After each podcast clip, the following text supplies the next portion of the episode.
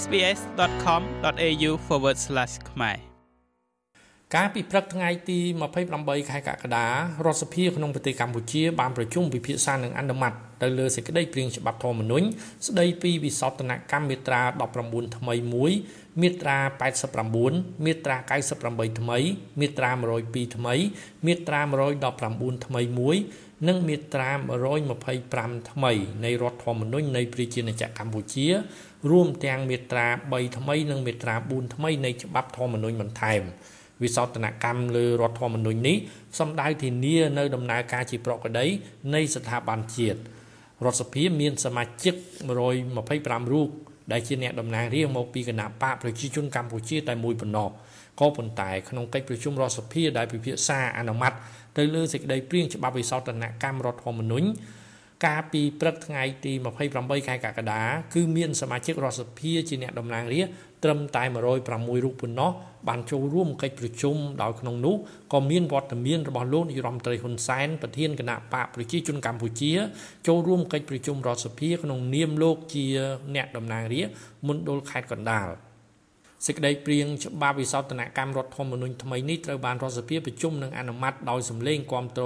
105លើ106សម្លេង គ្រាន់តែរដ្ឋសភាប្រជុំអនុម័តលើសេចក្តីព្រៀងវិសោធនកម្មច្បាប់ធម្មនុញ្ញនេះភ្លាម គឺនៅថ្ងៃទី28ខែកក្កដាឆ្នាំ2022យ៉ាងហោចណាស់មានគណៈបកនយោបាយចំនួន4គឺគណៈបកយុវជនកម្ពុជាគណៈបកខ្មែរតែមួយគណៈបកសម្បុកឃុំ និងគណៈបកខ្មែររួបរวมជាតិបានចេញសេចក្តីថ្លែងការណ៍រៀងរៀងខ្លួនប្រកាសគាំទ្រទាំងស្រុង ចំពោះការធ្វើវិសោធនកម្មមាត្រាមួយចំនួនក្នុងរដ្ឋធម្មនុញ្ញនៃប្រជាណាចក្រកម្ពុជានិងបានហៅការធ្វើវិសោធនកម្មរដ្ឋធម្មនុញ្ញនេះថាជាការលើកកម្ពស់លទ្ធិប្រជាធិបតេយ្យនិងស្របទៅតាមគោលការណ៍របបសភានិយម និងដើម្បីផលប្រយោជន៍ជាតិ។ នៅក្នុងកិច្ចប្រជុំពេញអង្គរដ្ឋសភាលោកកើតរិទ្ធរដ្ឋមន្ត្រីក្រសួងយុតិធធតំណាងឲ្យរាជរដ្ឋាភិបាលក្នុងនាមជាអ្នកការពារលើសេចក្តីព្រាងច្បាប់វិសោធនកម្មរដ្ឋធម្មនុញ្ញនៅពេលនេះបានលើកឡើងនៅតលហិកជាច្រើនជុំវិញការធ្វើវិសោធនកម្មនេះពាក់ព័ន្ធទៅនឹងទស្សនវិជ្ជាច្បាប់និងនីតិវិធីផ្សេងផ្សេង លោករដ្ឋមន្ត្រីវ័យក្មេងកៅរិទ្ធបានបញ្ជាក់ថាសំណើធ្វើវិសោធនកម្មរដ្ឋធម្មនុញ្ញលើកទី10នេះគឺធ្វើឡើងយ៉ាងត្រឹមត្រូវស្របតាមគោលការណ៍និងនីតិវិធីដែលមានចែងនៅក្នុងរដ្ឋធម្មនុញ្ញជាថ្មីម្ដងទៀតខ្ញុំសូមបញ្ជាក់បំភ្លឺជូនអង្គប្រជុំសភាដកនងដំមេតាជាថាការធ្វើវិសោធនកម្មលើកទី10នៃរដ្ឋធម្មនុញ្ញនាពេលនេះគឺមិនត្រឹមតែមិនប៉ះពាល់ដល់ប្រព័ន្ធប្រជាធិបតេយ្យសេរីភូប៉ានិងរបបរាជានិយមអាស្រ័យដោយរដ្ឋធម្មនុញ្ញ តាមបែបរបបសភានិយមប៉ុណ្ណោះទេប៉ុន្តែថែមទាំងបានរួមចំណែកយ៉ាងសំខាន់ក្នុងការលើកកម្ពស់ប្រព័ន្ធប្រជាធិបតេយ្យសេរីភូប៉ាដែលមានប្រជាប្រដ្ឋជាម្ចាស់អំណាចហើយធ្វើឲ្យប្រព័ន្ធប្រជាធិបតេយ្យសេរីភូប៉ានិងប្រព័ន្ធរបបសភានិយមមានកិច្ចដំណើរការប្រព្រឹត្តទៅដោយរលូននិងមិនមានការរាំងស្ទះជាពិសេសការបំពេញបាននៅចន្លោះខ្វះខាតនៃរដ្ឋធម្មនុញ្ញនិងការធានាឲ្យស្ថាប័នរដ្ឋ ពិសេសអំណាចនីតិប្រតិបត្តិដែលមានបេសកកម្មចម្បងក្នុងការដឹកនាំការងារទូទៅរបស់រដ្ឋមានកិច្ចដំណើរការប្រព្រឹត្តទៅដោយរលូនមិនជាប់គាំងប្រកបដោយនិរន្តរភាព នៅគ្រប់កលៈទេសៈដើម្បីបំពេញបេសកកម្មបម្រើឧត្តមប្រយោជន៍របស់ជាតិនិងប្រជាជនកម្ពុជាដោយអ្វីដែលរាជរដ្ឋាភិបាលបានបញ្ជាក់ក្នុងស្ដីថ្លែងហេតុជូនមករដ្ឋសភា យ៉ាងណាក៏ដោយនៅមុនរដ្ឋសភាប្រជុំពិភាក្សានឹងអនុម័តវិសោធនកម្មរដ្ឋធម្មនុញ្ញលើកទី10នៅពេលនេះមានគណៈបកនយោបាយចំនួន4គឺគណៈបកភ្លើងទៀនគណៈបកប្រជាធិបតេយ្យមូលដ្ឋាន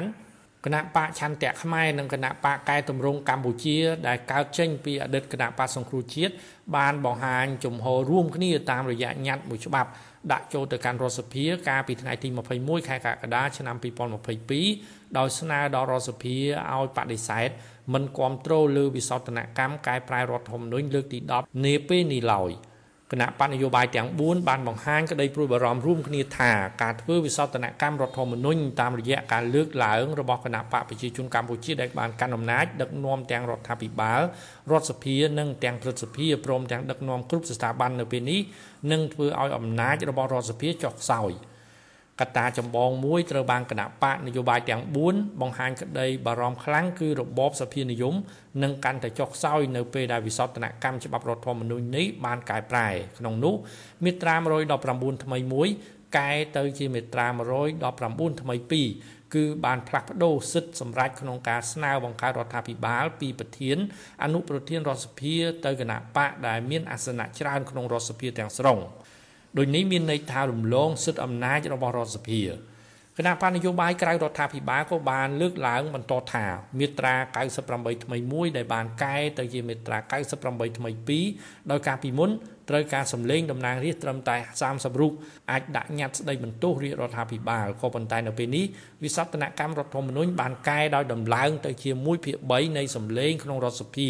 ដែលស្មើនឹង42រូបឡើងទៅ ទើបអាចដាក់ញត្តិស្ដីបន្ទោសរាជរដ្ឋាភិបាលលើសពីនេះទៅទៀតចំណុចផ្សេងទៀតដែលត្រូវកែប្រែក្នុងវិសោធនកម្មរដ្ឋធម្មនុញ្ញនៅពេលនេះគឺសុទ្ធតែផ្ដោតទៅលើសម្លេងគណៈបកឬតាមការស្នើរបស់គណៈបកដែលមានអាសនៈច្រើន ដែលជាហេតុធ្វើឲ្យប៉ះពាល់ដល់ប្រព័ន្ធប្រជាធិបតេយ្យសេរីពហុបកនៅកម្ពុជា។ ចំណែកអង្គការមិនមែនរដ្ឋាភិបាលសហភាពសហព័ន្ធសហជីពសមាគមនិងសហគមន៍សរុបចំនួន104ស្ថាប័នក៏បានចេញសេចក្តីថ្លែងការណ៍រួមកាលពីថ្ងៃទី27ខែកក្កដាដោយសម្ដែងការព្រួយបារម្ភយ៉ាងខ្លាំងអំពីការធ្វើវិសោធនកម្មរដ្ឋធម្មនុញ្ញលើកទី10ដែលស្នើឡើងដោយរាជរដ្ឋាភិបាលនៅពេលនេះ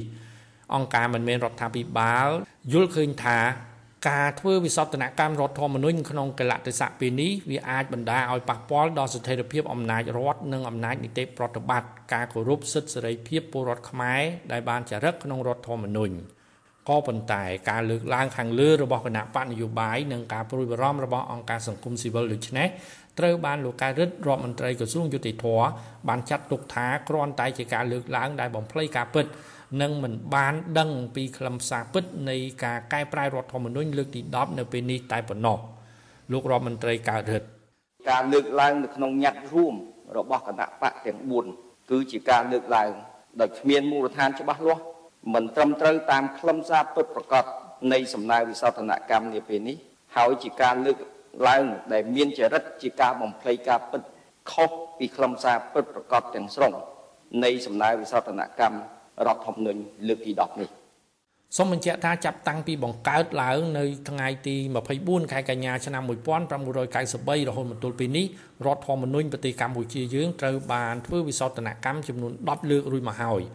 រដ្ឋធម្មនុញ្ញកែលើកទី1នៅឆ្នាំ1994លើកទី2នៅឆ្នាំ1999លើកទី3នៅឆ្នាំ2001លើកទី4នៅឆ្នាំ2005លើកទី5នៅឆ្នាំ2006 លើកទី6នៅឆ្នាំ2008លើកទី7នៅឆ្នាំ2014លើកទី8នៅឆ្នាំ2018លើកទី9នៅឆ្នាំ2021និងការកែប្រែរដ្ឋធម្មនុញ្ញចុងក្រោយលើកទី10នេះគឺនៅឆ្នាំ2022នេះ